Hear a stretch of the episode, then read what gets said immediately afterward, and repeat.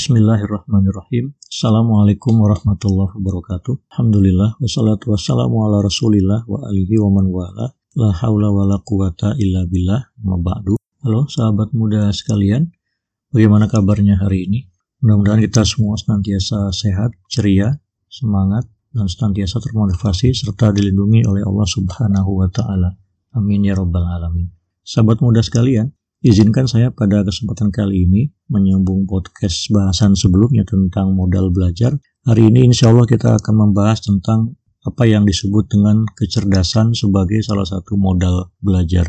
Kita sebelumnya sudah membahas bahwa untuk belajar itu ada enam modal penting yang harus kita miliki ya. Yang pertama adalah kecerdasan, lalu rasa ingin tahu, ketiga kesungguhan, empat materi, modal harta maksudnya atau modal materi, kelima adanya guru, dan keenam waktu dan proses yang tidak sebentar. Kali ini kita akan bincang-bincang tentang uh, kecerdasan, apa yang disebut dengan kecerdasan dan disebut oleh Imam Syafi'i sebagai modal yang pertama harus kita miliki untuk kita bisa belajar.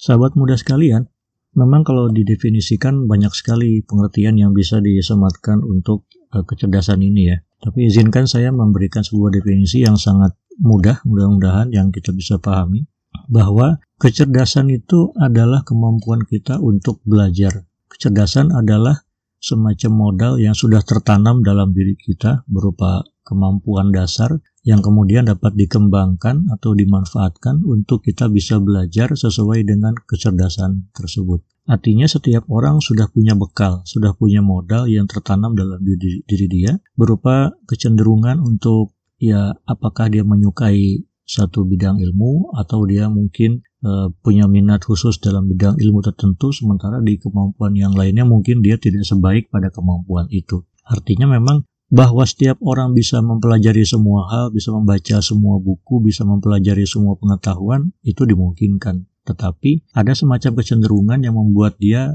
hanya fokus atau mungkin hanya bisa mengolah kemampuan terbaiknya pada bidang tersebut yang disebut dengan kecerdasan.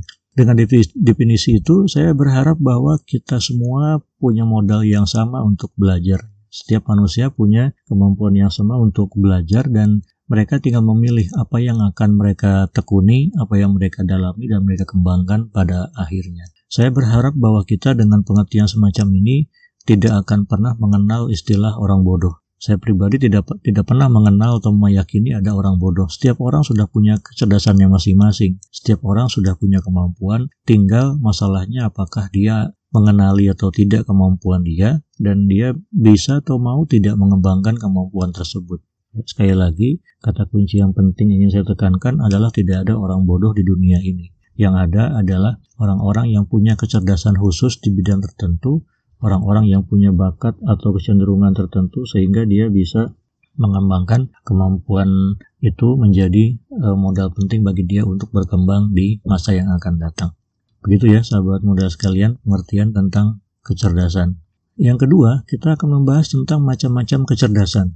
Kalau kita buka buku dan literatur penting tentang pembelajaran dan psikologi, banyak sekali ya macam kecerdasan ya. Saya ingin menyebutkan beberapa yang mungkin populer atau mudah kita pahami saja lah. Yang pertama memang kecerdasan intelektual. Memang itu bermula dari otak, berbasis pada kemampuan otak dalam menangkap pengetahuan, memproses, dan kemudian mengembangkan lebih lanjut di tahap yang berikutnya. Ada lagi kecerdasan yang populer kemudian namanya kecerdasan emosional. Ya, ini kecerdasan batiniah bagaimana orang bisa memanfaatkan kecerdasan ini untuk bergaul sesama manusia. Ada orang yang mungkin bergaulnya tuh supel, ada orang yang ramah, ada orang yang eh, mungkin ketika bertemu orang lain itu sangat ekspresif begitu ya. Kalau dia gembira, wah gembiranya ditunjukkan begitu luar biasa. Kalau dia sedih, sebaliknya dia akan menunjukkan kesedihan itu sedalam mungkin. Ada orang yang kalau ketemu orang lain tuh datar, kalem, adem, ya itu bagian dari kecerdasan diri dia.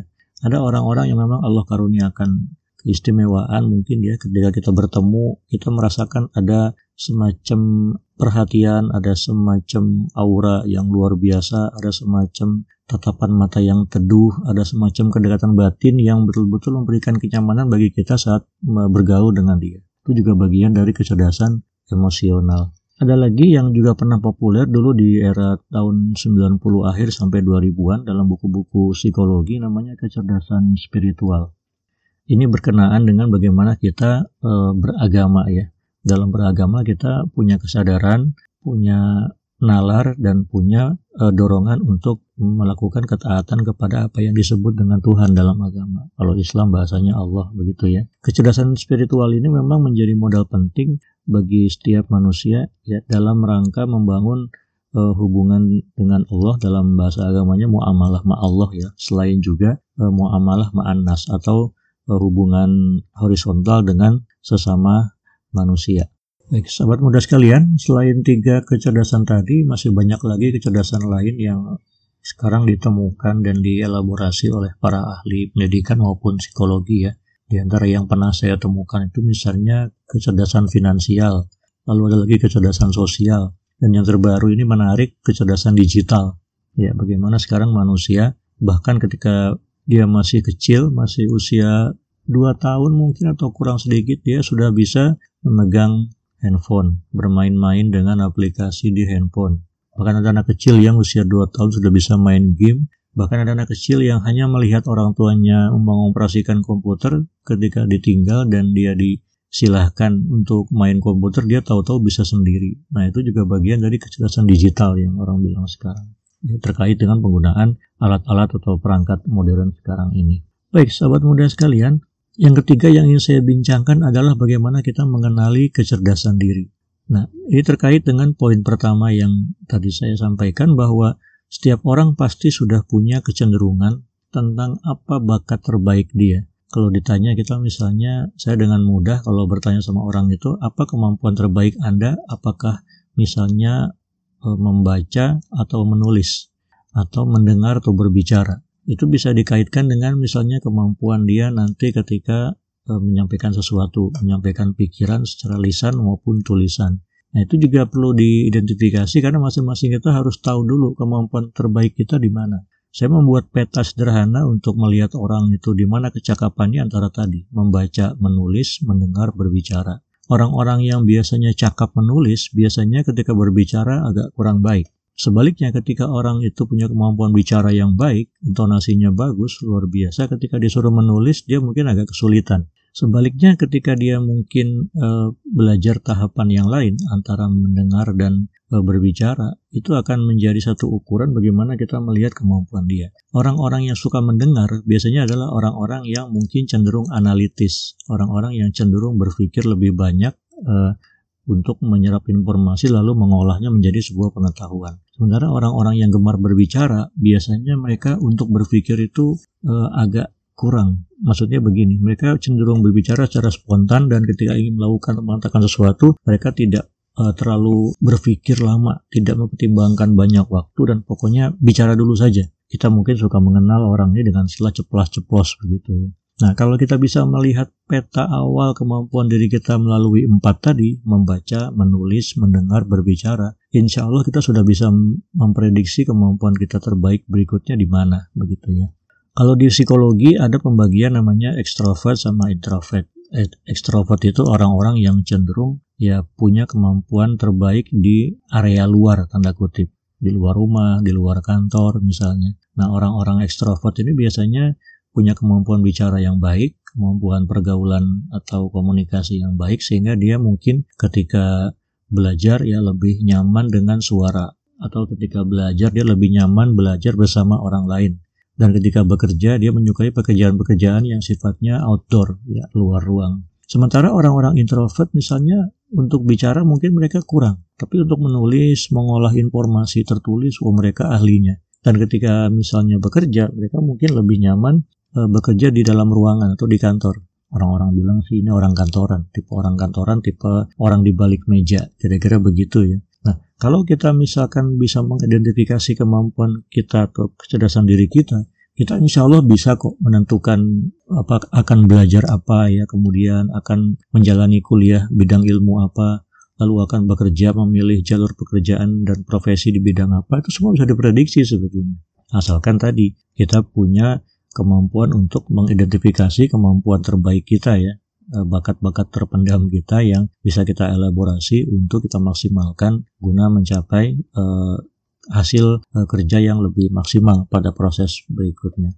Jadi pada bagian ini saya ingin menekankan bahwa kita sedini mungkin kalau bisa ya, harus mengenali dan bisa mengidentifikasi kemampuan terbaik diri kita untuk dapat kita kembangkan lebih lanjut dalam proses pembelajaran mulai dari sekolah dasar, sekolah menengah sampai ke perguruan tinggi dan bahkan selanjutnya ke sampai ke karir profesional kita di masa depan begitu. Baik sahabat muda sekalian, eh, terakhir poin yang akan saya bahas dan bincangkan pada kesempatan kali ini adalah tentang kemampuan belajar. Dengan modal yang ada pada diri kita tadi, sebetulnya kita sudah Allah bekali untuk bisa belajar apa pun sesuai garis kemampuan kita. Saya tidak menafikan atau tidak menampik bahwa banyak orang, tidak sedikit sebetulnya, banyak orang punya kemampuan belajar apa pun. Ada loh orang yang bisa menguasai berbagai bidang, pintar matematika, pintar bahasa, pintar ilmu teknik, ya pintar ilmu sastra dan segala macam. Ada orang-orang yang bisa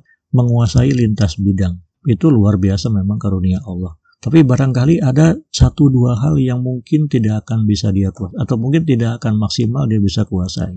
Pasti ada. Tidak mungkin ada orang yang sempurna di balik semua kelebihan dan kemampuan orang yang mungkin lintas bidang, insya Allah ada satu dua yang mungkin kalau dia kita sodori sesuatu itu, dia mungkin akan kebingungan dan tidak bisa mengelaborasi kemampuan dia di bidang itu. Namun demikian, sebetulnya kita tidak perlu kecil hati saat Allah menitipkan kepada kita satu potensi atau satu bakat yang bisa kita elaborasi, mudah-mudahan itu menjadi perhatian dan fokus kita untuk dikembangkan ya. Banyak orang sebetulnya sudah Allah beri kemampuan, sudah Allah beri kelebihan, tapi karena dia tidak mampu belajar untuk mengelaborasi, pada akhirnya dia melihat diri dia serba kekurangan. Artinya apa? Dia hanya melihat lebih banyak kekurangan diri dia dibandingkan sedikit kemampuan dia yang bisa dielaborasi. Kita patut khawatir bahwa orang-orang ini bisa jadi terpuruk nanti menjadi kufur nikmat. Nauzubillah ya. Padahal kalau dia mau elaborasi, maka insya Allah dia bisa kok akan mencapai hasil yang maksimal dari kemampuan dia.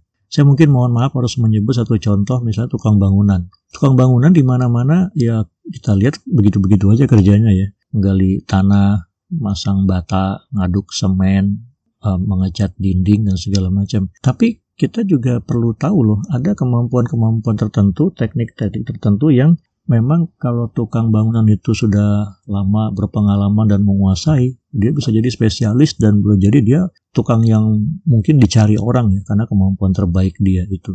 Saya pernah mendengar misalnya ada seorang tukang yang khusus dia membuat plester dinding. Jadi setelah dinding apa dibangun bata dibeli plester dasar lalu ada orang yang memang khusus membuat plester luar, plester finishing dinding itu halus sekali. Saya pernah lihat hasilnya dan luar biasa. Ya kalau kita lihat dari luar sama aja mereka tukang bangunan kan nggak beda dengan yang lain. Dengan pakaian khasnya dengan penampilan khasnya dengan gaya bertutur bergaulnya yang khas. Tapi ketika kita mengelaborasi lebih jauh oh ternyata dia punya spesialisasi yang tidak tukang lain punya. Kalau kita tanya tarifnya berapa pasti beda. Karena kemampuan spesifik tadi itu. Jadi sahabat sekalian Mari kita fokus kepada kemampuan yang kita punya. Mari kita fokus pada bakat yang ada pada diri kita dan jangan hiraukan kelemahan yang ada pada diri kita dan jangan pernah takutkan bagaimana orang lain memandang kelemahan kita. Memang kelemahan itu bagian dari diri dan sunatullah yang tidak bisa kita hindari. Namun demikian kalau kita fokus pada kemampuan terbaik, insya Allah kita bisa mengelaborasi dan kemudian tampil dengan performa yang terbaik juga begitu. Maka yang penting sekarang kita setelah mengenali atau menemukan kecerdasan diri kita itu ya kita elaborasi. Bagi kita yang memang berbakat dan suka di bidang bahasa, maka fokuslah belajar bahasa. Lakukan apa pun untuk mencapai kemampuan terbaik kita di bidang bahasa. Belajarlah lebih banyak, ya. elaborasilah lebih banyak pengetahuan untuk dapat modal penting ya untuk belajar lebih lanjut dan sebagainya. Bagi kita yang memang berbakat di matematika, ya sudah fokus ke matematika, pelajari semua teknik menghitung yang rumit-rumit kalau perlu, sampai kemudian kita belajar ke jenjang yang paling tinggi untuk menguasai kemampuan khusus di bidang matematika misalnya. Bagi orang-orang yang memang menyukai aktivitas fisik ya, di luar ruangan, ya oleh elaborasilah kemampuan terbaik apa yang Anda bisa lakukan. Apakah kemampuan terbaik Anda pada kaki, pada tangan, pada kepala, atau bagian mana? Silakan dielaborasi. Kalau itu sudah ketemu dan kita bisa kembangkan, maka insya Allah Allah akan memberikan jalur yang tepat bagi kita untuk ya belajar, mengembangkan kemampuan sampai kemudian bisa memberikan dedikasi terbaik dengan kecerdasan yang kita punya itu. Kalau itu yang terjadi maka insya Allah kita tidak akan pernah buntu ya menemukan karir untuk uh, profesi kita di masa yang akan datang. Karena kita punya kemampuan terbaik yang bisa dielaborasi. Kalau kita sudah ketemu jalurnya, orang bilang sudah ketemu jalannya, maka insya Allah semua akan mudah. Tidak akan ada orang yang namanya menganggur, tidak ada orang yang istilahnya tidak punya pekerjaan, tidak ada orang yang kerja serabutan, karena pasti dia akan fokus dan tetap pada satu jalur dan itulah kemampuan terbaik dia bisa dia kembangkan. Oleh karena itu, saya menyarankan sekali kepada kita semua ya untuk sedini mungkin mencoba mengidentifikasi apa kemampuan terbaik kita, apa kecerdasan terbaik kita, apa bakat terbaik yang Allah berikan kepada kita, lalu kita sadari dan kita kembangkan sampai ke batas tertinggi di mana kita bisa belajar sampai bisa mengelaborasi kemampuan terbaik itu. Ya. Dengan begitu sahabat muda sekalian, kita insya Allah betul-betul akan mensyukuri semua karunia Allah yang ada pada diri. Tidak ada yang sia-sia kok di penciptaan dunia ini. Termasuk diri kita tuh insya Allah tidak akan menjadi sia-sia. Selama kita bisa menemukan kemampuan terbaik tadi, mengelaborasi kecerdasan diri, lalu kemudian bisa mengembangkannya untuk bisa memberikan dedikasi terbaik kepada orang-orang di sekitar kita maka jangan pernah takutkan kita akan bekerja apa, jangan pernah khawatirkan kita akan punya profesi apa, jangan pernah takut masa depan kita akan bisa berkarir di bidang apa. Yang penting sekarang temukan dulu apa bakat kita, sadari dulu apa kecerdasan terbaik kita, lalu lakukan apa pun semaksimal mungkin untuk mengelaborasinya sampai kita bisa ya mencapai uh, pengetahuan, pengalaman terbaik untuk kemudian bisa mengembangkannya menjadi uh, aktivitas yang bernilai dan berharga pada tahapan pekerjaan, karir maupun profesi kita di masa yang akan datang. Sahabat muda sekalian, ya, mudah-mudahan podcast saya pada kali ini bisa memberikan pencerahan kepada kita semua untuk dapat kita merenungkan kembali apa yang Allah titipkan dalam diri kita ya berupa kecerdasan tadi itu baik intelektual, spiritual, emosional, digital dan apa pun. Mudah-mudahan dengan menyadari itu kita bisa memanfaatkan apa yang ada untuk memaksimalkan kecerdasan diri kita sebaik-baiknya. Demikian ya eh, podcast kita pada kesempatan kali ini. Semoga ada manfaatnya dan bisa memberikan informasi penting bagi kita untuk mempersiapkan proses terbaik menuju pencapaian karir kita yang setinggi-tingginya. Amin ya rabbal alamin. Terima kasih atas perhatiannya. Wallahualam. Assalamualaikum warahmatullahi wabarakatuh.